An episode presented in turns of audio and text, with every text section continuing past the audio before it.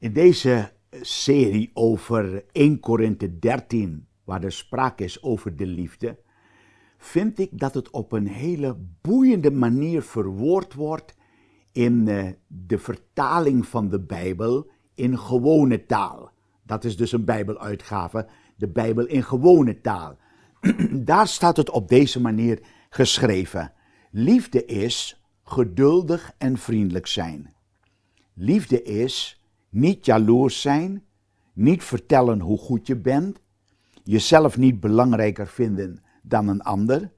Liefde is een ander niet beledigen, niet alleen aan jezelf denken, geen ruzie maken en geen wraak willen nemen. Liefde is blij worden van het goede en een hekel hebben aan het kwaad. Door de liefde verdraag je alles wat er met je gebeurt. Door de liefde blijf je gewoon, blijf je geloven en vertrouwen.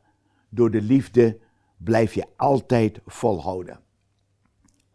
Om eerlijk te zijn, als ik lees wat de Bijbel inhoudelijk bedoelt met de liefde, dan kom ik tot twee conclusies. In de eerste plaats, het staat haaks op breed wat ik in de wereld, voor de televisie, in de maatschappij, onder collega's, vrienden, kennissen tegenkom aan wat liefde zou zijn. Maar in de tweede plaats merk ik dat ik voor mezelf constateer, wat schiet ik enorm tekort als ik spreek over de liefde die in mijn leven aanwezig is. Ik ben opnieuw erdoor geraakt. Hoewel er heel veel in mijn leven is veranderd vanaf het moment waarop ik de Heer Jezus Christus gevraagd heb om deze liefde in mijn hart, in mijn leven, in mijn functioneren te laten groeien. Vanaf dat moment ben ik gaan merken dat er een geweldige verandering heeft plaatsgehad.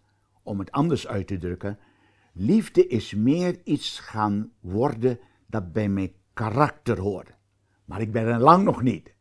En daarom dat ik je wil uitdagen, uitnodigen om Jezus ook bij jou binnen te laten komen, waardoor Hij je ook in het leven van iedere dag kan helpen, zoals ik het nodig heb, om je te helpen in contacten met anderen, staan midden in het leven, lief te hebben, mag ik het zo uitdrukken, zoals God ons lief heeft, zoals Jezus ons lief heeft. En ik moet zeggen, het verandert je als mens, zo heb ik het persoonlijk ervaren, maar het verandert je ook in je omgang met anderen. En dat is een geweldige vreugde. Dat is wat ik je toewens.